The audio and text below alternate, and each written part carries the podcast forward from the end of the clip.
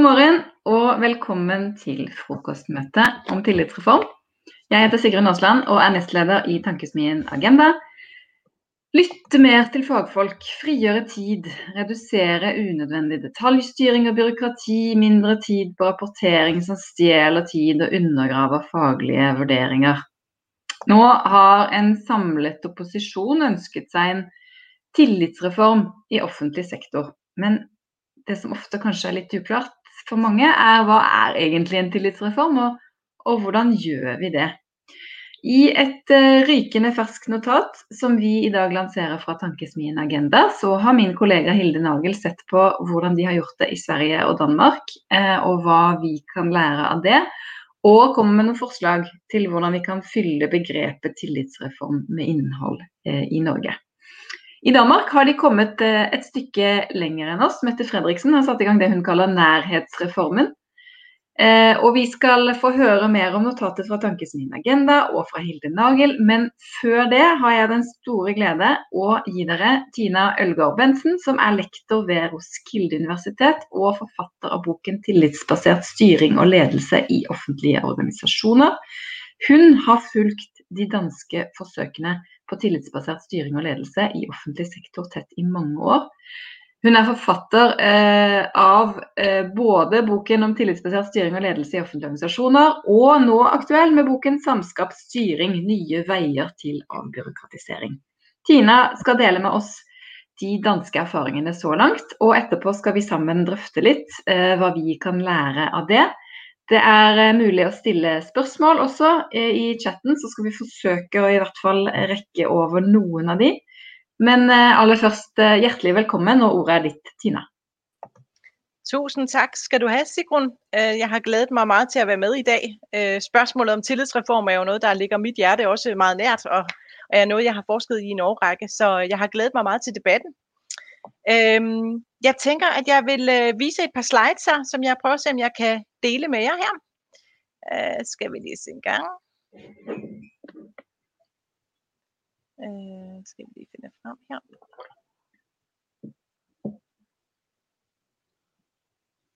Åh. Oh. Lige to sekunder.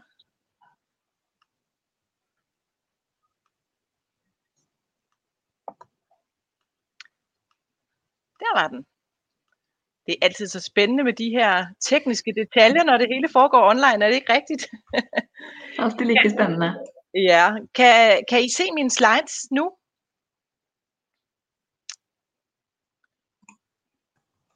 Ja. Ja, de er gået igennem. Det er så fint. Ja, men jeg, har, jeg synes jo, det er et vældig spændende spørgsmål, hvad Norge kan lære Danmark. Øh, det har faktisk også fået mig til at tænke på, hvad Danmark kan lære Danmark, men det kan vi jo altid øh, vende tilbage til. Øh, sådan ganske kort om, øh, om mig, så er jeg øh, forsker på øh, Roskilde Universitet i Danmark, øh, og har øh, i en årrække øh, forsket i samspillet mellem tillid og kontrol, og har fulgt øh, tillidsreformen i Københavns Kommune ganske tæt. Øh, og i de sidste par år har jeg også øh, fyldt, eller fulgt en, en række kommuners arbejde med at afbiokratisere Øhm, og, og det er der blandt andet kommer den her bog Samskabt Styring ud af, som jeg også kommer til at, at fortælle lidt, øh, lidt mere om her i dag. Hvis du trykker på uh, skjermvisning, uh, lysbildefremvisning, så ser vi et ark om gangen, Tina. Uh, det skal jeg lige have igen. Hvis du trykker på skær, sånn skjerm, full skærm, nå ja. ser vi alle arkene dine. Det er ikke så farligt, men... Uh... Uh, det er sjovt, for jeg ser fuld visning hos mig nemlig. Ja, bare fortsæt du. Det går fint. Vi, vi, vi må klare den sådan her, ja. Ja, ja.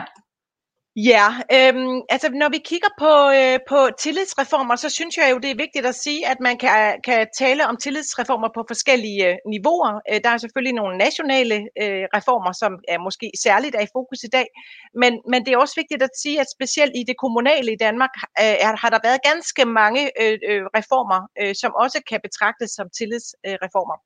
Men hvis vi nu starter på det, øh, på det nationale plan, så må man sige, at i Danmark, der er, skorter det altså ikke på øh, reformer, som handler om og ændret styring. Øhm, og øhm, ja, tillidsreform har været et begreb, som er blevet brugt om nogle af de her reformer, men øh, når man kigger igennem øh, reformerne fra 1983 øh, og så frem til i dag, så må man sige, at, øh, at øh, der har nærmest ikke været en regering med respekt for sig selv, som ikke har haft en eller anden form for reform, der handler om at forenkle, afbyråkratisere, skabe smidigere administration, reducere regler og så videre og så videre. Øhm, der er lidt forskel på, hvad fokus er i de her reformer. Nogle af dem øh, har øh, mest fokus på tillid til medarbejdere, andre har måske lidt mere fokus på borgerne, altså det, at borgerne har en smidig og ubiokratisk adgang til den offentlige sektor. I Danmark er der øh, ganske meget tradition for faktisk at involvere de faglige organisationer øh, i øh, de her reformer. Så i en del af, af, af reformudspillene her vil man se, at der har været et trepartssamarbejde, eller i hvert fald omfattende dialog øh, med de faglige organisationer, øh, faglige parter. Øhm, men vi ser altså også, og det er jo noget af det, jeg synes er lidt interessant, at der er lidt et mønster, der hedder ny regering, ny reform. Øh, så vi har måske øh, den udfordring, hvis man skal sige noget i Danmark, øh, eller i hvert fald det mønster, at vi har ganske mange forskellige reformer, der i virkeligheden vil lidt det samme, og hvor det faktisk kan være svært at skænde reformerne på tværs af partier. Øhm, ja. Hvad går de så ud på, de her reformer? Jo, altså der er lidt, øh, der er selvfølgelig lidt forskelle på, hvad man har brugt af forskellige øh, virkemidler, men nogle af de initiativer eller aktiviteter, der er sat i gang i reformerne, er jo blandt andet kuglegravninger af styring øh, på nogle forskellige velfærdsområder, altså hvor man i virkeligheden prøver at gennemgå øh, styringslagene øh, og, og mængden af styring. Vi har også set frikommuneforsøg og fri institutionsforsøg, hvor man har forsøgt at skabe friere rammer til, øh, at man kan, øh, at man i virkeligheden kan løse sin opgave øh, lidt mere med, eller med større autonomi. Der er også flere af de her forsøg, der har fået kritik, skal jeg hilse at sige. Øhm, øh, blandt andet har der, var der for omkring et par år siden, var der en kritik af et øh, frikommuneforsøg for, at det faktisk var blevet for byråkratisk at søge om at få at blive fritaget. Så der er også nogle paradoxer i det her. Vi har også et styringslaboratorium, altså hvor man eksperimenterer med en, en ny måde at styre på i et afgrænset øh, område af den offentlige sektor. Øh, en del af de her programmer indebærer også nogle værdier eller nogle principper omkring styring, som man har forsøgt at, at rulle ud. Øh, vi har også et udfordringsret, altså hvor man har fået muligheden for at udfordre op af til. Og i en enkelt reform, øh, nemlig samlingsreformen, har vi også set brugen af kommissioner, øh, eller en kommission, nemlig ledelseskommissionen, øh, som faktisk fik en stor rolle i, i, i den øh, reform.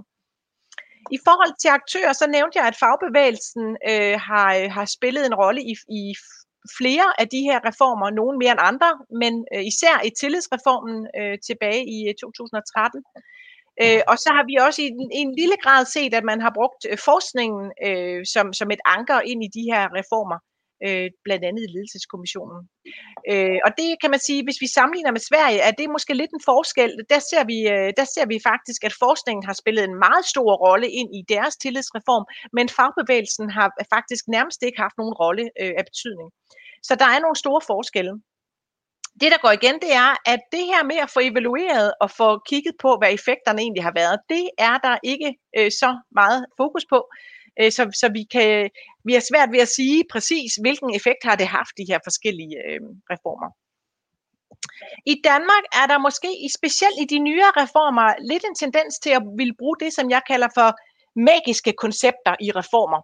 Øh, og tillid er måske faktisk det første begreb, øh, som er sådan øh, det, jeg vil kalde for et magisk koncept øh, altså et begreb, som er øh, øh, har sådan en entydig positiv klang, som er svært at være uenig i, som alle gerne abonnerer ind på. Øhm, og der kommer så, kan man sige, en kæderække af begreber øh, siden 2013. Først tillid, så kommer der en sammenhængsreform, nu kommer der en nærhedsreform. Alle positivt lavede begreber, øh, som det er svært at være uenig i. Tillid er måske fortsat lidt som et underbegreb, vil jeg sige, både i sammenhængs- og nærhedsreformen. Øhm, men ikke desto mindre, så er der nogle udfordringer. Der er også nogle forser ved de her øh, koncepter. Det oplever I garanteret også i Norge, at øh, tillid er et fantastisk begreb, fordi det er let at samle folk, det er let at skabe opbakning, der er en energi i begrebet, og, og det er også noget, der kan være med til at tegne en ny retning. Øhm, og det har også en forsig, at det er ret let at oversætte til mange forskellige øh, kontekster. Øh, det har også den her evne til at sprede sig meget hurtigt. Det har vi jo blandt andet set fra Danmark. Altså den tillidsreform, vi havde i 2013, har i virkeligheden været med til at sætte en tillidsreform i gang, både i Sverige og måske også i Norge, eller i hvert fald inspireret til. Så øh, der er altså virkelig en høj spredningsværdi øh, i, i tillidsbegrebet det, der er udfordringen, det er jo, at, øh, at det også er tvetydigt og uklart, øh, og det kræver rigtig meget, at man arbejder med at oversætte det, konceptualisere det, og det kan altså også skabe nogle, øh, nogle skuffede forventninger øh, blandt de aktører, som måske har lagt nogle håb og forventninger ned i. Tina, kan jeg bare eh, spørre, nå ser vi fortsatt bare første lysarket ditt. Nej, er det rigtigt? Ja. Eh, er det Ej, for søren, jeg har delt rigtig mange siden. Åh, øh, nej, hvor irriterende. Nå ser jeg næste. Nå ser, nå ser jeg de to bøkene, og ja, nå bevæger den sig. Så Ej. bare dit du var kommet. Ja, åh for søren. Ja, jeg går videre her. Jeg beklager, at I ikke har kunne følge med på skærmen, så. Øh, ja, denne her med, øh, med, med de her magiske koncepter, Øhm, at, at nogle af de udfordringer, vi ser med det, det er jo det her med, at, at der kan faktisk godt kan komme en risiko for, at tillid bliver lidt noget varm luft. Altså noget, som man snakker meget om, men hvor der i virkeligheden ikke sker så meget, at det er svært at få det til at blive til noget øh, konkret, så at sige. Øhm, og øh, derfor har jeg øh, arbejdet lidt med øh, det, som jeg kalder for oversættelsesdiamanten. Jeg har fulgt nogle reformer øh, i nogle kommuner for at se, hvad er det egentlig, der har betydning? Altså når man arbejder med sådan et fluffy begreb som tillid, hvad er det så, der har betydning for, hvor robust en reform man i virkeligheden ender med at få? Og der kan jeg i hvert fald se, at der er en akse, øh, som handler om, hvilke aktører er man lykkes med at få mobiliseret ind i den her reform. Der er selvfølgelig nogle strategiske aktører, den øh, politiske ledelse, topledelsen. Det kan faktisk også være fagbevægelsen, som kan have en rolle her, øh, som nogen, der er med til at sætte en dagsorden, skubbe på en forandring. Øh, men det er også dybt nødvendigt, at man får lokale aktører med, altså lokale institutioner, ledere, tillidsrepræsentanter også, øh, lokalt og samarbejdsorganisationen som nogle aktører, der er med inde i det her loop. Men der er også brug for en forandring på en, på en horisontal bane, hvor man kan sige, at en reform kræver øh, jo, at man får oversat begrebet. Hvad mener vi overhovedet med tillid? Øh, hvad, hvad forstår du ved det? Hvad ligger vi i det? Hvad er det for en bevægelse, vi i virkeligheden vil skabe? Der er brug for nogle, der er brug for nogle refleksionsaktiviteter øh, for at få øh, begrebet ud over rampen. Men der er også brug for at gøre aktiviteter, handlinger, eksperimenter, hvor man prøver nye ting af i praksis. Eller bliver det jo kun øh, ved luften. Og bare for at vise jer et eksempel på to forskellige afdelinger i Roskilde Kommune, hvor man øh, har forsøgt at oversætte sådan et begreb her, øh, at der kan der være nogle meget forskellige diamanter, man får ud af det ved at kigge på, har man fået de rigtige aktører med på banen, både strategisk og lokalt, og hvilke aktiviteter er der egentlig lagt ind i reformen? Er der blevet snakket om, hvad vi mener om det? Har vi en fælles forståelse? Øh, og men er man også i gang med at prøve at gøre noget øh, nyt på nogle andre måder? Øh, så den her diamant kan være, nogle gange være et kompas i forhold til at sige, har vi egentlig tænkt i at få de rigtige aktiviteter og de rigtige aktører med på banen for at kunne skabe den her øh, forandring. Ja, i hvert fald i Danmark, der er det sådan, at mange af de her styringsproblemer, vi oplever, særligt i kølvandet på øh, New Public Management, øh, er oplevet som ret vanskelige at, at, øh, at fikse. Og det ser man måske også ved, at vi faktisk har haft så mange reformer, som vi har, uden at man af den grund kan sige, at vi er lykkedes fuldstændig med at, at klare problemet. Øh, jeg har været vældig inspireret af en øh, øh professor, der hedder Jorit de Jong, og han siger, at styringsproblemer er som elefanten og de ni blinde mænd. Altså at rigtig tit, når vi oplever et styringsproblem, så oplever vi det partielt. Vi ser ikke helheden. Så den medarbejder, der skal dokumentere i et system, oplever det fra en side, den øh, professionel, der sidder oppe i centralforvaltningen fra en anden vinkel, og politikeren fra en tredje vinkel. Så han siger, at den store problemstilling, vi har, det er at, at få skabt et mere holistisk billede af styringen, og få et, et samlet billede af, hvad det er for nogle styringsudfordringer, vi bakser med. Ja, og i hvert fald i dansk kontekst, der vil jeg sige, noget af det, der har udfordret vores måde at arbejde med øh, både tillidsreform, men i det hele taget øh, styringsreformer på, det er, at rigtig tit ser vi, at der har været sådan et meget ensidigt kritisk øh, blik på kontrol og styring, som faktisk ender med at blive et skældsord, eller ligefrem en modsætning til tillid. Altså der bliver sat lighedstegn med, at tillid kræver faktisk, at man fjerner øh, styring øh, eller reducerer den. Øh, og det, som jeg i min forskning har arbejdet med, øh, og som samskabt styring i hvert fald er, er et afsæt for, det er, at vi er nødt til at nuancere den her forståelse. Fordi der er masser af forskning, der viser, at både styring og kontrol kan godt rime, altså spille godt sammen med kontrol under de rigtige forudsætninger. Det vil sige, at styring kan både være dysfunktionelt rødt, men det kan bestemt også være værdiskabende øh, øh, og være grønt øh, og bidrage til, til rigtig mange fine kerneværdier i den offentlige sektor. Det, der til gengæld er brug for, det er, at vi skal have mere fokus på styringens inderside, altså hvordan opleves den af dem, der udsættes for den. Vi kan finde mange eksempler på styring, der faktisk både er meget detaljeret og, øh, og, øh, og i virkeligheden kan, kunne sige at være rimelig hård styring, men som opleves meningsfuldt af dem, der udsættes for den. Så vi har brug for at komme meget mere i dialog med de mennesker, der skal leve med styringen. Og det betyder også, at når vi taler om sådan en strategi i en reform omkring tillid eller forenkling, så handler det altså ikke bare om, at vi skal fjerne styring. Det handler om, at vi skal være dygtige til at se, hvor har vi grøn styring, der skal bevares, og hvor har vi rød styring, som skal gøres øh, grønnere, altså mere meningsfuldt eller mere tillidsunderstøttende.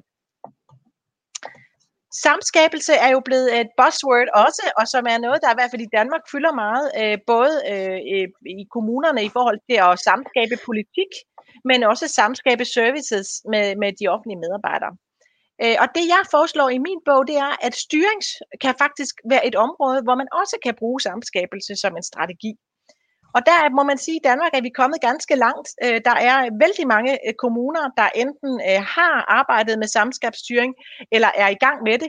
Og jeg kan meget anbefale det partssamarbejde, der hedder Fremfærd, som har formidlet ganske meget omkring erfaringerne med samskabsstyring i de her mange kommuner. Men hvad er samskabsstyring så? Jo, hvis vi sammenligner med sådan en mere traditionel tilgang til, hvordan styring udvikles, øh, så øh, vil det jo tit være sådan i den traditionelle tilgang, at øh, dem, der bestemmer, hvordan styringen skal indrettes, øh, hvordan den skal designes, det vil typisk være topledelsen og forvaltningen, måske nogle politikere, men ganske få øh, aktører. Øh, og det vil altså sige, at, at de folk, som skal leve med styring, medarbejdere, ledere, nogle gange også borgere, de bliver først involveret ganske sent, i øh, typisk lige før man skal til at implementere selve styringsredskabet. Der er altså tale om sådan en lineær rullen ud oppefra og ned, hvor der er ganske store magtforskelle, øh, og, øh, og den involvering, der foregår, øh, har meget sådan begrænset omfang. Det kan være, at man øh, bliver orienteret om styringen, det kan være, at man bliver hørt, men der er i virkeligheden ikke de helt store mulighed for at påvirke så meget. Samskabsstyring er anderledes på den måde, at man starter med at stille sig selv det spørgsmål, der hedder, hvilke aktører har aktier ind i styringen? Og det kan være mange aktører. Det kan være alt fra brugere, borgere, fagprofessionelle, ledere, forvaltere, topledere, politikere. Øhm, og så er det i virkeligheden de her mange aktører, der skal med ind og være med til både at definere styringsudfordringer, men også designe styringsløsninger. Og det kræver altså, at man bliver inviteret meget tidligt ind i forløbet, og også kontinuerligt øh, bliver inviteret med. Øh, og det vil også sige, at styringsløsninger og styringssystemer bliver udviklet iterativt, altså det vil sige i et, i et mere innovativt, eksperimenterende øh, forløb, hvor man forsøger øh, at, at tilpasse styringsløsninger i et samspil med praktisk afprøvning. Det kræver kort afstand, nedtoning af magtforskelle og en langt, langt mere omfattende inddragelse af dialog, hvor man kan bygge tillid op imellem de her mange parter. Et eksempel er i Høje Tostrup Kommune, hvor man på et helt lokalt niveau, altså helt ned på øh, skole, jeg tror der var tre skoler og tre ældrecentre, som øh, har arbejdet med samskabsstyring på deres institutionsniveau. Og øh, det man i virkeligheden gjorde, det var at lade de her øh, aktører, det vil altså sige medarbejdere, tillidsrepræsentanter med organisationen, altså samarbejdsorganisationen, lederne og forvaltningen, sætte sig sammen og prøve at definere, hvor har vi noget, der bøvler, som det hedder på dansk, altså styring, der forstyrrer, øh, ikke er meningsfuldt. Øh, hvilke problemstillinger har vi? Hvordan kan vi løse det? Hvilke styringsløsninger kan vi finde? Øh, og hvordan kan vi få det til at, at, at, at blive implementeret? Og det har man i Høje Torstrup Kommune faktisk lykkedes så godt med, at man nu har rullet det ud i resten af kommunen. Øh, det man faktisk fik ud af det her forløb, det var, at en stor del af det her bøvl er noget, man selv kan gøre noget ved, op til 70 procent, øh, og at central opbakning er meget vigtig for, hvor langt man kan komme. Det vil altså sige, at det her forløb og i mange af de andre, der har man øh, måtte arbejde med øh, tre F'er.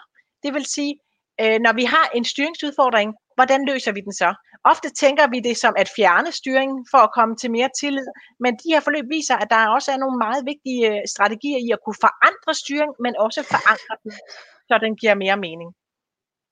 Et lille eksempel fra Roskilde Kommune, hvor man har arbejdet med de her F'er, der har man på et tidspunkt lavet et overblik over 126 forslag til ting, styringsudfordringer, man gerne vil gøre noget ved. Øh, og, og i det her tilfælde kunne I se, at i 65% af tilfældene kunne man gøre noget ved at forandre styringen, altså grundlæggende lave den om.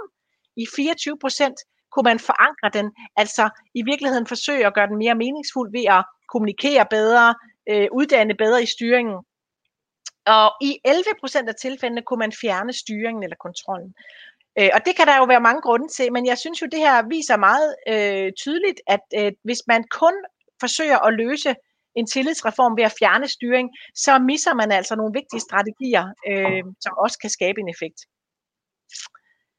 Et andet eksempel øh, på det næste niveau er fra Roskilde Kommune, hvor man har øh, samskabt et pædagogisk tilsyn. Altså her er vi inde på en bane, altså et tilsyn er jo et meget væsentligt kontrol. Øhm, og det man øh, i virkeligheden gjorde i Roskilde, det var, at man fandt ud af, at, øh, at det her tilsyn ikke blev oplevet som særlig meningsfuldt øh, af, af de mennesker, der skulle øh, øh, tilses det her tilsyn. Og det man så gjorde, det var, at man samlede simpelthen alle i styringskæden, øh, dagtilbudschefen, ledere på alle niveauer, lokale ledere og også forældre i bestyrelserne, og lavede et forløb, hvor man udviklede et nyt pædagogisk tilsyn, øh, hvor man blandt andet har fået flere observationer fra forskellige aktører ind i, øh, mange flere dialoger, både før og efter tilsynet, og man har faktisk også selv valgt, at det skal gå fra at være et planlagt til et uanmeldt tilsyn, altså faktisk et hårdere tilsyn. De effekter, man har fået ud af det, det har jeg været med til at, at måle, det er, at man kan se, at det her tilsyn er simpelthen mere motiverende at arbejde med. Det opleves som mere understøttende for kvaliteten og effektiviteten på arbejdspladsen. Og der er opstået som bonus en anden tillid imellem forvaltningen og, den, og det lokale niveau. Og når vi spørger medarbejderne, der har afprøvet det her, så siger de, at 9 ud af 10 synes, at det nye tilsyn det fungerer bedre end, øh, end det gamle. Så der er altså nogle bonusser her. Ja, hvad kan Norge så lære? Og Danmark har jeg skrevet parentes, fordi som I fornemmer, så er vi dygtige til at eksperimentere i Danmark, men øh, måske ikke nødvendigvis så gode til lige at stoppe op og lære. Øh, det vi i hvert fald kan, kan, kan lære, synes jeg, det er, at tillid og kontrol ikke nødvendigvis er modstandere. Vi skal være gode til at nuancere vores sprog omkring det her, så vi kommer til at tale om det som grøn og rød styring, og ikke bare sort-hvid. Og det betyder også, at tillid bare ikke handler om kun at fjerne, men også at forandre og forandre styring. Når vi arbejder med tillid, som, som jo jeg vil sige er sådan et magisk begreb, øh, så har det mange styrker, men man skal virkelig være opmærksom på den her oversættelse, det kræver for at blive robust, og ikke bare varm luft. Og oversættelse vil altså sige, hvilke aktører skal vi have med ind, øh, og hvilke typer af initiativer eller aktiviteter skal, skal puttes ned i reformen, for at den får en, en slagkraft. Jeg tror også, noget af det, der er fokus på i Danmark, det er, at, øh, at det her med at arbejde med tillidsreform, at det også er en kulturforandring. Altså, at vi skal arbejde med, at vi ikke kun har afbiokratiseringsprojekter, men at vi skal skabe en kulturforandring på indersiden af organisationen, altså den daglige klud, og ikke bare en, en hovedrengøring. Øhm, og så vil jeg også bare til sidst sige, at øhm, det her med, at samskabsstyring øh, måske kan være en vej til at øh, udvikle mere meningsfuld styring, kunne i hvert fald være spændende at drøfte med jer, og, og høre om, og hvordan det resonerer med, med tingene i Norge. Ja, det var sådan set, hvad jeg havde som et første oplæg, og nu prøver jeg lige at stoppe med at dele. Ja. Tusen takk, Tina. Eh, det var kjempeinteressant og veldig konkret og, og nyttig for oss. Jeg har lyst til å hente inn eh, Hilde Nagel, mm. eh, som har skrevet mye om tillitsreform i Norge, og som har laget et notat som vi har lagt ut på Tankesmien Agendas hjemmesider, og som de som har lyst kan lese der. når du hører Tina, Hilde, hva tenker du om hva vi kan bruke av dette i Norge, og hva vi kan lære? Hei, Tina. Hei. Eh, tusen takk for, eh, for, en kjempespennende presentasjon. Eh, vi har jo snakket sammen litt, og jeg lærer noe nytt hver gang eh, du, du deler erfaringer fra Danmark. Og Det er også litt av tanken bak det notatet som vi har laget eh, i Tankesmien Agenda. Der har vi både sett på erfaringer i Sverige og i Danmark. Så jeg tenkte at jeg skulle kommentere litt med utgangspunkt i det jeg sitter igjen med da, etter å ha skrevet uh, dette notatet. Etter denne type sånn uh, hva skal jeg si, uh, panskandinavisk familieterapi er det noen som har kalt sånn type prat på landegrenser. Det tror jeg vi trenger, og det tror jeg kan være nyttig. Så, så la meg bare dele noen refleksjoner. Um, det første som slo meg veldig da jeg så på, på, på det arbeidet altså i, i, Sverige har de også holdt på siden 2015 med reformer. Um, det er at virkelighetsbeskrivelsen er ganske lik. Altså at man i de tre landene har ganske lik forståelse av hva er det som er utfordringene eh, vi står overfor i forvaltningen. Og da har det delvis vært beskrevet som de ytre årsakene. Altså det at vi får veldig komplekse eh, problemer som skal løses, og vi ser at den måten vi organiserer oss på i siloer med klassisk forvaltning, ikke nødvendigvis klarer å svare godt og fleksibelt på det.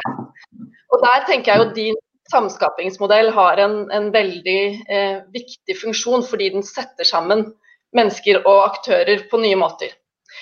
Men så er det også en indre motivasjon, og den opplevde jeg også som veldig likt beskrevet. Det er at, eh, som du sier, fjerne bøvlet, fjerne unødvendig styring, fjerne detaljstyringen. Og den eh, var ganske sterk, eh, liksom, sterk beskrivelse av det, og god empiri på at der er det såpass store utfordringer at her er vi nødt til å trå litt til da, med faktisk nye måter å organisere forvaltningen på. Så den virkelighetsforståelsen var lik. Og så um, har jo Sverige og Danmark gjort det litt ulikt. Vi har nå hørt om alle eksperimentene fra Danmark, men i Sverige har man jo utredet veldig mye. Man startet da med disse utredningene i 2015, og det er altså en bunke som er relativt stor med sånne offentlige utredninger, og veldig mye papir som er produsert. Eh, jeg tenker at hvis vi i Norge skal lære, så kanskje vi skal passe oss litt for en så omfattende utredning som det svenskene har gjort. Eh, og det er en fare her for at vi får store bunker med papir, og det ikke blir eh, noe som skjer der ute. Men så hører jeg også deg si at det er også en utfordring hvis vi eksperimenterer eh, for mye uten å samtidig teste ut eh, det vi gjør. Og der har jeg lyst til å etterpå høre deg kommentere også, fordi det du har sagt til meg før, er at vi har fått masse spennende reformer i Danmark på kommunenivå, men sentralforvaltningen har ikke fulgt etter. Så du har fått masse spennende ting lokalt, kanskje ikke så godt evaluert. Hva med liksom, de store utfordringene i den sentrale styringen? Så det, det, kan du kanskje svare på etterpå. Så er det et annet poeng, og det er at eh, en tillitsreform som du sier, kan bli litt sånn varm luft, og i hvert fall hvis man tenker at man skal lage én reform som passer for alt. Så Jeg sitter veldig igjen med det inntrykket at her er det viktig at man Eh, tenker sektor, altså tenker område for område, og at man tenker et, en bredde av virkemidler man kan bruke, og ikke liksom én reform. Og Der syns jeg også eh, vårt LO eh, har hatt en veldig sånn riktig tilnærming til det, fordi de har sagt ja, vi trenger en tillitsreform. Men vi er nødt til å finne den lokalt. Der hvor folk vet hvor skoen trykker, og der hvor vi kan begynne å definere tiltak som på hvert område. Eh, så én modell passer ikke alle. Og så det du sier med at eh, følgeforskning er viktig. At vi må systematisk følge opp og evaluere, og at det er kanskje veldig lett å sette i gang masse spennende eksperimenter, men hvordan skal vi få gode eh, valide resultater på faktisk hva som fungerer og ikke. Da må vi drive med følgeforskning. Og jeg syns det eksempelet du nevner fra Roskilde, Eh, hvor du har hatt følgeforskning, og hvor man kan da følge og se hvordan fungerer dette tilsynet, hva er responsen, det gjør det også veldig mye lettere for oss å kunne anvende det da, og se er dette et forsøk som vi kunne tenke oss eh, i Norge.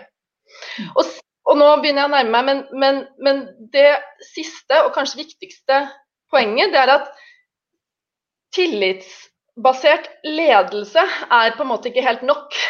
Man er nødt til å ha tillitsbasert styring og ledelse. Og at det er nødt til å komme inn noen endringer i styringsformer også. For det er noen som ønsker å redusere dette til et problem om bare tillitsbasert ledelse. Men hvordan kan du lede tillitsbasert hvis du jobber innenfor strukturer som ikke legger opp til det? Og Der, der åpner vi i notatet for liksom, at det er, en, det er ganske mange sirkler man kan tenke seg ut med ulike reformer. Alt fra veldig konkrete tiltak som tilsyn eh, som er mer dialogbaserte, til store strukturelle endringer. Type eh, fjerne helseforetaksmodellen i sykehusene, eller eh, tillate større eh, rammebevilgninger til kommunene, eller den slags liksom større, større ting. Så jeg tror også når vi diskuterer tillitsreform, at vi må diskutere det helt opp på de litt større nivåene også, vi snakker om store forandringer i, i forvaltningsstruktur. Mm. Men det var liksom mine sånne refleksjoner så langt, eh, Tina. Så kan vi fortsette samtalen. Tusen takk, Hilde. Skal, eh, det var veldig mange gode spørsmål også i det du sa. Eh, jeg skal prøve å porsjonere ut litt. Jeg har lyst til å begynne litt med det Hilde sa om eh, one size fits all og, og på en måte tilpasninger på ulike sektorer. fordi Eh, Eh, det kan jo også være litt sånn vanskelig å få tak på. Selvfølgelig er tillitsreform eh, eller nærhetsreform eller samskapingsreform noe annet i skole enn det er i spesialisthelsetjeneste, enn det er i eh, eldreomsorg. Men er det noe fellestrekk, noen absolutter, eller er det noen, eh, noe man kan si på en måte som, som, gjelder på tvers? Hva tenker du om det, Tina? Ja, jeg syns det er noe som går på tvers. Øhm, Selvfølgelig er der stor forskel på hvilket område vi er, også fordi de risici, der er på de forskellige områder, er forskellige. Øh, og det skal vi også. Vi skal jo hele tiden have et blik for, når vi taler tillidsreform, så arbejder vi hele tiden med et spændingsfelt imellem, at vi skal skabe en, en styring, hvor der kan være tillid til medarbejderne, men også en styring, som sikrer, at borgerne har tillid til den offentlige sektor. Det dilemma ligger hele tiden og bakser nedenunder de her, øh, hvad kan man sige, overvejelser, vi har. Når det så er sagt, så tænker jeg, at, at tillidsreform øh, for mig handler, øh, som, øh, som Hilde siger, øh, om, om to vigtige ting. Altså på den ene side at få skabt nogle styringsmæssige rammer, hvor der er så meget autonomi, som det overhovedet kan, øh, kan, kan give mening med de risici, der nu er på det enkelte område.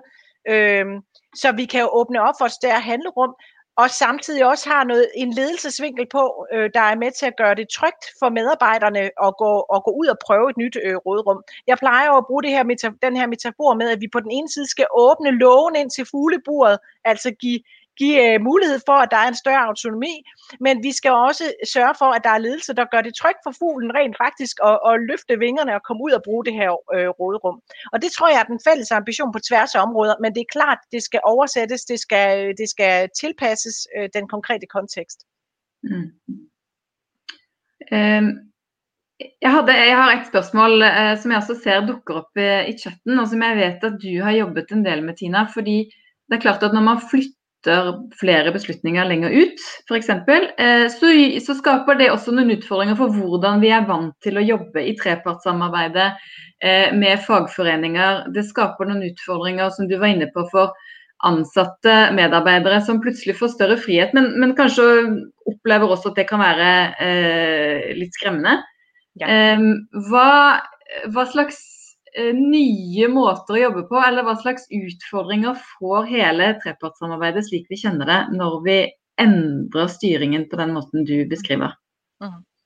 Altså hvis vi starter med, med, hvad kan man sige, fagbevægelsen, tillidsrepræsentanter, altså øh, de folk, som har til opgave at repræsentere medarbejdere siden så, så ser jeg, at, øh, at når vi åbner op for sådan nogle spørgsmål, øh, som for eksempel det her med styring, jeg argumenterer jo for, at spørgsmål om, hvordan styringen skal indrettes, skal man faktisk hive fagbevægelsen treparts, øh, gøre det til et trepartssamarbejde. Øh, og det er klart, at det er jo et kæmpe ansvar, der følger med, øh, hvis man skal have lov at have den form for indflydelse.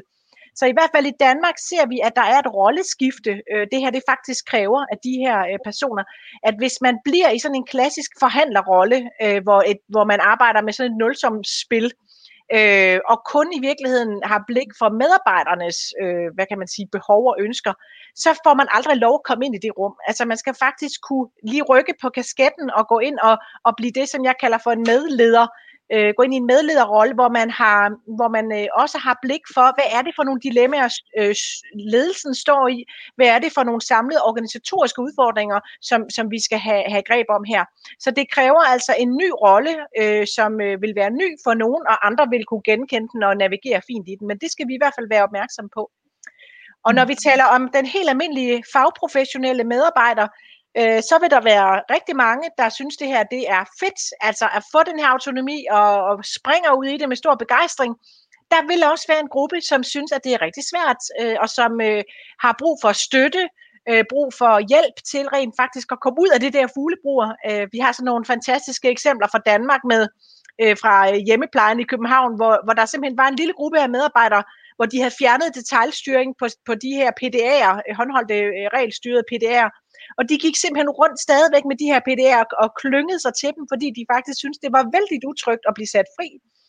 Så der er en stor ledelsesopgave, og så er der også potentielt et dilemma, vi skal snakke om, og det er, at der er måske en, en lille bitte restgruppe af medarbejdere, som faktisk ikke kan finde ud af at arbejde det her, øh, hvor vi også må snakke om, hvad gør vi med dem?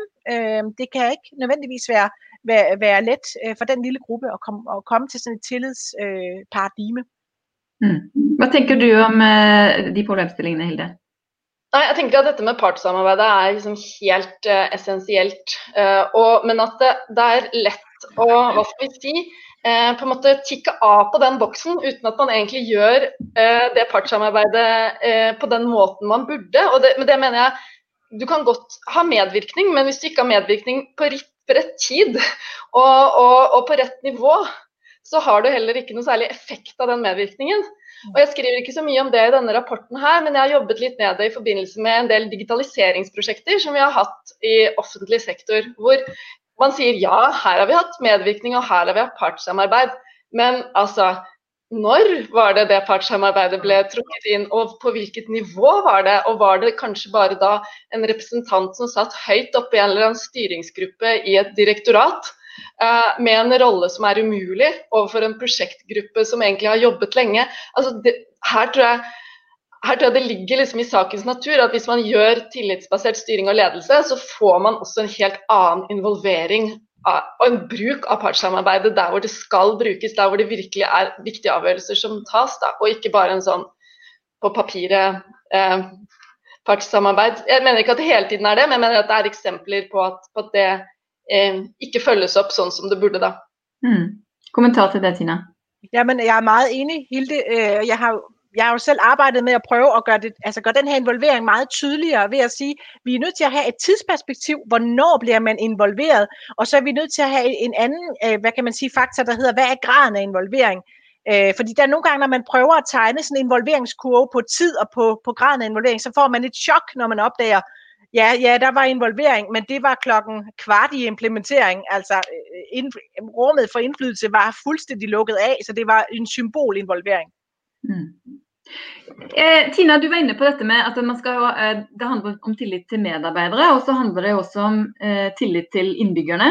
Mm. Eh, og innbyggernes tillit til de tjenestene de får. Og eh, et av spørsmålene som har kommet fra publikum som jeg syns var interessant, er en skriver at det er bl.a. vanlig å si at innbyggerne skal ha tillit til det offentlige systemet, men man burde vel også si at det offentlige systemet må ha tillit til innbyggeren. Eh, I Norge har vi de siste året hatt eh, noen store saker med eh, Nav, altså eh, støtte til folk som står utenfor arbeidslivet, der det, på måte, der det virker ganske åpenbart at man ikke har tillit til innbyggerne, og der mye handler om kontroll og ettergåelse ligger det også muligheter for å eh, vise eh, større tillit til innbyggere, og hvordan gjør man det? Eh, og hva er utfordringer i det igjen? Det er et stort spørsmål. Ja, men øh, for mig er det jo sådan, at øh, når vi taler om samskabt styring, så øh, kan borgerne også være en, øh, et, øh, et, øh, et område, man tager fat i her. Altså, der er jo rigtig meget af den styring og byråkratisering, vi står med, som også ikke bare opleves af de offentlige ansatte, men som i høj grad er noget, som borgere øh, oplever i deres kontakt med det offentlige. Og den slags styringsproblemer har vi jo i den grad også brug for at, at løse som en del af en tillidsreform. Øhm, jeg tror også, at, at den generelt, nu ved jeg, at samskabelse også er en dagsorden, der fylder i Norge øh, generelt, og det er for mig at se også et, et, øh, et forsøg på at sige, at vi skal til at have en ny relation med vores borgere, fra at betragte dem som klienter eller kunder i NPM, så skal vi simpelthen til at betragte borgeren som en samarbejdspartner, hvor vi har tillid til, at de kan være en del af løsningen. Så, så samskabelse med borgerne er for mig at se lidt en, har også en underoverskrift, der hedder tillidsreform, men med en borgervinkel. Øh, mm. Så de to, så de to øh, bevægelser er for mig at se overlappende i det her. Øh, og omvendt kan man også sige, man kan ikke have medarbejdere i den offentlige sektor, der for alvor arbejder med samskabelse med borgerne, uden at man har et maskinrum, der er indrettet til det. Og det er jo det, en tillidsreform skal, ikke også? Altså sørge for, at der er den autonomi, som kræver, at man mere fleksibelt kan samskabe løsningerne ansigt til ansigt med borgerne. Mm. Hilde, hvordan kan tilliten uh, gå alle vejer? Ja, nei, nei, Jeg er veldig e, enig i det bildet Tina trekker opp. Og også det at hvis du skal løse disse komplekse samfunnsutfordringene som vi snakket om, så betyr jo det også å virkelig ta med inn eh, borgere, innbyggere, på en annen måte enn man har vært vant til. Og, og, det er jo ikke sånn heller at eh, demokrati betyr at du bare skal stemme inn eh, politikerne dine hvert fjerde år. Det er jo så mange måter å kunne komme i dialog med og i kontakt med, med med myndighetene på som, som, som, du kunne utnyttet bedre. Da. Og jeg tenker også på at det, det, du sier Tina, om at det betyr også at man må organisere seg annerledes i den andre enden. Jeg har sett på det når det gjelder digitalisering. ikke sant? Der, der er det veldig mange nye interessante muligheter som du kan få for å, å, å melde tilbake til myndighetene, eller være delaktig i f.eks. en byggesøknadsprosess eller hva den er, på helt nye måter. Men du kan også tenke internt i forvaltningen, f.eks. For i Nav vet jeg at de har veldig spennende prosjekter hvor de setter sammen team som jobber annerledes eh, øh, ut mot de som de er til for. Og også da eh, tror jeg blir en bedre eh, partner for dem på den andre siden. Det blir ikke bare et skjema du skal fylle ut med en slags sånn har du juksa eller prøvd å snike deg unna her? Men det blir en dialog om hva er det hvordan er det for deg? Eh, så er det lettere sagt enn gjort. Det er jo en ekstremt ressurskrevende oppgave. Men den måten å tenke på tror jeg er riktig. Mm. Du har snakket litt eh, Tina, om dette forholdet mellom tillit og kontroll. Eh, og jeg, jeg likte de tre F-ene dine. altså jeg tror veldig ofte så tenker man at uh, Tillitsreform handler om å ta bort regler og, og, ha mer frihet. Og så handler det kanskje om veldig mye annet enn det. Men uh, hvordan styrer man eh, med tillit? Eh, og kan du, kan du, på en måte konkretisere enda litt mer hva slags kontroll man da likevel har? Har man kontroll med budsjetter? Har man kontroll med kvalitet? Veldig ofte så stanger man vel også i på en måte eh, en del sånne kvalitets krav og reguleringer av hvordan tjenester skal være, som er der. Eh, nettopp for å sørge for at innbyggerne får gode tjenester, men som også begrenser den faglige autonomien. Eh, hvordan styrer vi kvalitet og pengebruk eh, innenfor rammen av en tillitsreform? Mm.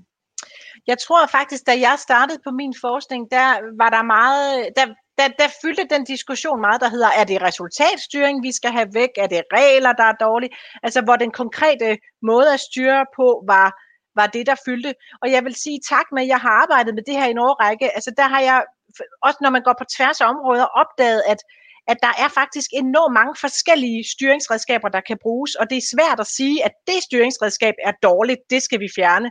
Altså, at alle styringsredskaber øh, kan noget med at absorbere nogle bestemte typer risici. Det, der faktisk for mig at se bliver mere afgørende, det er, de mennesker, der møder den her styring, skal arbejde med den. Synes de, den er meningsfuld? Oplever de, at den er værdiskabende? Der, hvor man oplever, at man skal gøre noget styringsmæssigt, som i virkeligheden er noget, der ikke skaber værdi, og som ikke hjælper en i opgaveløsning, der begynder vi at få de her tegn på, at nu bliver styringen rød. Øhm, så, så man kan komme ind på, altså jeg har jo også været på områder, som er ekstremt styret, altså hvor der faktisk er ganske mange regler, øh, ganske mange resultatstyringer, hvor folk kan sige, jamen øh, vi synes faktisk, at de mål, vi bliver målt på, er ganske relevante, og de hjælper os til at tydeliggøre, hvordan vi performer. Det er en stor hjælp for os. Så, så, øh, så jeg kunne godt tænke mig, at vi, øh, at vi også måske drejer diskussionen mere i retningen af, hvordan kan vi få meningsfuldhed ind i den her styring. Øh, og det gør vi selvfølgelig ved at fjerne nogle ting, men det er ikke sikkert, at det er de samme ting, vi skal fjerne i den ene sektor, som vi skal i den anden. Øh, der er stor forskel. Mm. Hilde, hvordan balancerer vi tillit og kontroll? Nei, altså det jeg sitter og tenker på når jeg, når jeg uh, hører nå, det er uh, noen sånne veldig konkrete forslag som vi også trekker fram i rap rapporten. og Det er jo bl.a. dette med langsiktige utviklingsavtaler. At man kan gå i dialog med institusjonen om å sette litt langsiktige mål. Jobbe med budsjetter som har mer varighet enn et år. Uh, hvor du har mulighet til å få styring som er bedre, da, som Tina etterlyser. Eh, og ikke nødvendigvis mindre styring, men liksom en annen, en annen modell enn den vi vanligvis bruker. Og det samme også med, med dette med lærende tilsyn, jeg kommer stadig tilbake til det. Men det syns jeg er et veldig godt eksempel på at det er jo ikke snakk om å fjerne kontrollen, det er snakk om å gjøre den bedre. Eh, og, og også, ikke sant, kontrollelementet blir jo også bedre av dette. Fordi at uh, du faktisk er ute og, og spør litt først de som skal kontrolleres er, kontrollerer vi på riktig måte? Er det de riktige tingene vi faktisk måler her, eller burde vi justere det? Eh, hvordan skal tilsynene skje? Er det lurt at vi kommer uanmeldt, f.eks.? Det kan godt hende det, fordi da får du et annet bilde enn når alt er planlagt. Altså, da får du jo da får du jo at dette med tillit er med på å styrke kontrollen, og det er jo dit vi, eh, dit vi må. Mm. Ja, Tina? Jeg tror tit taler vi om kontrol som noget eksternt, der ligger ved siden af organisationen. Og jeg, jeg ser i højere og højere grad, at tillid, eller kontrol er noget, der på en måde først virker, når det bliver flettet ind i en praksis, bliver flettet ind i nogle værdier på arbejdspladsen. Så det her med, at vi giver anledning til, at man kan få internaliseret kontrollen, altså at, at påvirke kontrollen, øh, er for mig at se en del af en forandring, som er meget, øh, meget mere dybde øh, liggende i virkeligheden, end, end bare at snakke om det enkelte lille kontrolredskab, øh, øh så at sige. Så vi er i gang med en, en bevægelse, synes jeg, der, som er meget, meget spændende. Mm.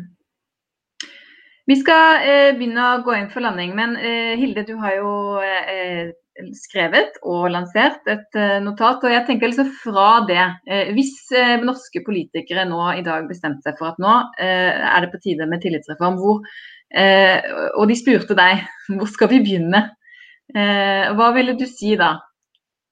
Ja, jeg tror i hvert fall det ville vært veldig skummelt å begynne med en sånn ambisjon om at man skulle lage én tillitsreform. Da, og det har vel egentlig denne diskusjonen vist også, at uh, det, ikke, uh, det er ikke noe, noe for seg. Uh, jeg tror at det man skulle begynt med, var å, å, gå ut og virkelig undersøke på hvert nivå hva er det vi kan gjøre i smått og stort. Jeg syns at Eh, det er interessant å se på alle de kommunale, eh, eller kommunene som nå har tatt tak i dette. og Det er masse spennende å lære der. Men jeg tror som politikere så tror jeg også man må se at det er behov for å se på dette også innenfor sentralforvaltningen, og ikke bare liksom på det kommunale nivået. Det er en del ting som lar seg gjøre på det kommunale nivået som ikke eh, lar seg overføre til statens styring. Så eh, jeg tror jeg også at det er veldig viktig å ikke redusere det til en ledelsesoppgave. Det hadde man litt tendens har litt tendens til i Sverige, hvor man ønsker å legge, legge dette til liksom, arbeidsgiversiden.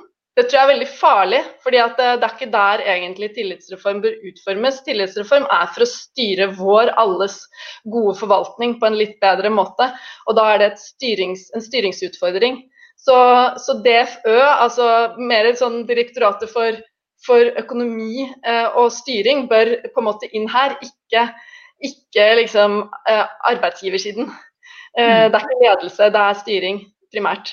Mm. Eh, og så tror jeg at man kan lære som sagt av Danmark og Sverige på noen, noen tiltak, noen områder hvor de har fått til mye. Det å redusere mål, det å få til lokale utviklingsavtaler og det å ha lærende tilsyn er tre sånne områder som vi har trukket fram. Men det finnes også helt sikkert andre områder hvor man allerede har mye erfaring. For dette her har vært prøvd ut nå i en god del år, så jeg tror at det er en del å hente rett og slett ved å se på noen av de forsøkene og se hva kan man, eh, hva kan man gjøre i Norge. Tina, hvis du skal sende, sende oss av gårde med noen eh, gode råd, eh, hva, hvor ville du si at man bør begynne?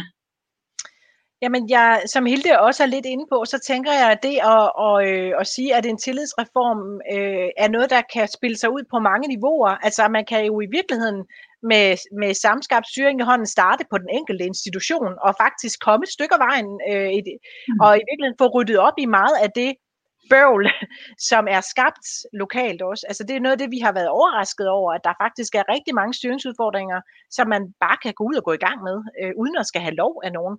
Og så er det klart, at der er jo en masse styringsværktøjer, som er, ligger på nogle niveauer over. Altså sådan noget som tilsynsmodeller kræver jo, at der er nogle aktører på det niveau, der er villige til at gå ind Øh, jeg vil også meget anbefale det her med at arbejde med styringslaboratorier. Det kan være en måde at, at, at indhegne risikoen på. Altså simpelthen sige, at vi prøver at lave en ny tilsynsmodel, afprøver den, får et tilbageløb, tilretter, inden vi træffer endelig beslutning. Mm. Hvor, mye, hvor mye handler dette Hilde, om å endre lover og regler, tror du? Og, og hvor mye handler det om å på en måte bare jobbe på, med medvirkning på en bedre måte? Uh, ja, det er et litt sånn stort spørsmål. Jeg, jeg, tror mye er gjort også ved å jobbe annerledes. Jeg tror du ser det eh, f.eks. når det gjelder uh, trepartssamarbeidet. At uh, det kan, som vi har snakket om, se uh, greit ut på papiret, praktiseres ikke nødvendigvis alltid sånn. Mm. Så tror jeg kanskje at noe vi ikke har snakket om, er at noe av utfordringen med um, med at, eh, at, ansatte i offentlig sektor føler at de har en stram arbeidshverdag med mye rapportering og, og, detaljert kontroll, handler jo også om at vi har fått veldig mange rettigheter eh, som skal følges opp og som det skal rapporteres på. Sånn at det, det er også noe med, og det, det, går jo på lovverket. ikke sant? Så i hvert fall, og tilbake til råd til politikerne, ikke tenke at hver gang du ønsker noe godt for samfunnet, la det bli en garanti eller en rettighet som skal følges opp. fordi da skaper du samtidig et enormt byråkrati for, eh, for, for, de som da er satt til den oppgaven og skulle se at dette følges opp på den måten som, som det er, bestemt. Og det er ikke alltid at det nødvendigvis eh, gir det beste resultatet for det man ønsker å oppnå. Da. Så tenke på eh, mm. grad av rettighetsfesting tror jeg også er en veldig viktig side av det her. Mm. Eh, jeg har lyst til å plukke opp et spørsmål til som eh, kom i chatten. Vi har litt tid igjen. og det handler om, eh, Jeg tror dere har vært inne på det begge to, men, men dette med nærdemokrati og, og, og, innbyggernes innflytelse på beslutninger mer generelt. Og du sa Hilde, at vi skal jo ikke bare styre gjennom valg hvert fjerde år. Er det noe sammenheng mellom samskapingsmulighetene våre og hvordan vi rett og slett rigger lokaldemokratiet? Er det noen erfaringer med dette fra Danmark, Tina? Ja, det er der, og også fra Norge. Jeg har faktisk været med i et forskningsprojekt om præcis det spørgsmål. Øhm, ja, det er der. Altså man kan sige, i Danmark har vi jo større kommuner i snit, end I har i, i Norge, og det tror jeg også har gjort, at vi måske øh, også på det område er lidt mere reformivrige end, end i Norge. Øh, og meget kort fortalt, så ser vi øh, en høj grad af eksperimenteren i Danmark med at lave samskabelse, hvor man inddrager borgerne i politikudvikling blandt andet, udvikler dem i, hvordan skal vi indrette øh, jeres, øh, jeres landsby, eller hvordan løser vi den her udfordring i vores kommune. Øh, og det tænker jeg er jo en anden del af, af den her øh, tillids samskabelsesdagsorden, at man godt ved, at det at gå til valg hver fjerde år og sætte sit kryds, det holder simpelthen ikke mere. Altså det er ikke nok. Vi er simpelthen nødt til at mobilisere borgernes ressourcer og deres vinkler øh, og deres ejerskab øh, på en helt anden måde, også imellem valget. Så det er der fuld gang i, vil jeg sige. Det er en helt anden mm. snak også. Mm. Tusen takk eh, skal dere ha begge to for eh, en kjempeinteressant innledning, Tina, og for eh, kloke kommentarer og innspill, Hilde. Jeg vil anbefale alle å gå inn på nettsidene til Tankesmien Agenda og kikke på Hildes notat om tillitsreform på norsk. Eh, og hvis dere kjenner noen som gjerne skulle sett denne sendingen, men som ikke kunne gjøre det akkurat i dag klokken åtte, så blir den liggende på våre hjemmesider. Så der er det bare å gå inn og hente og dele med alle man tenker kunne ha nytte av det. Tusen takk til alle som så på, eh, og vi ses snart igjen.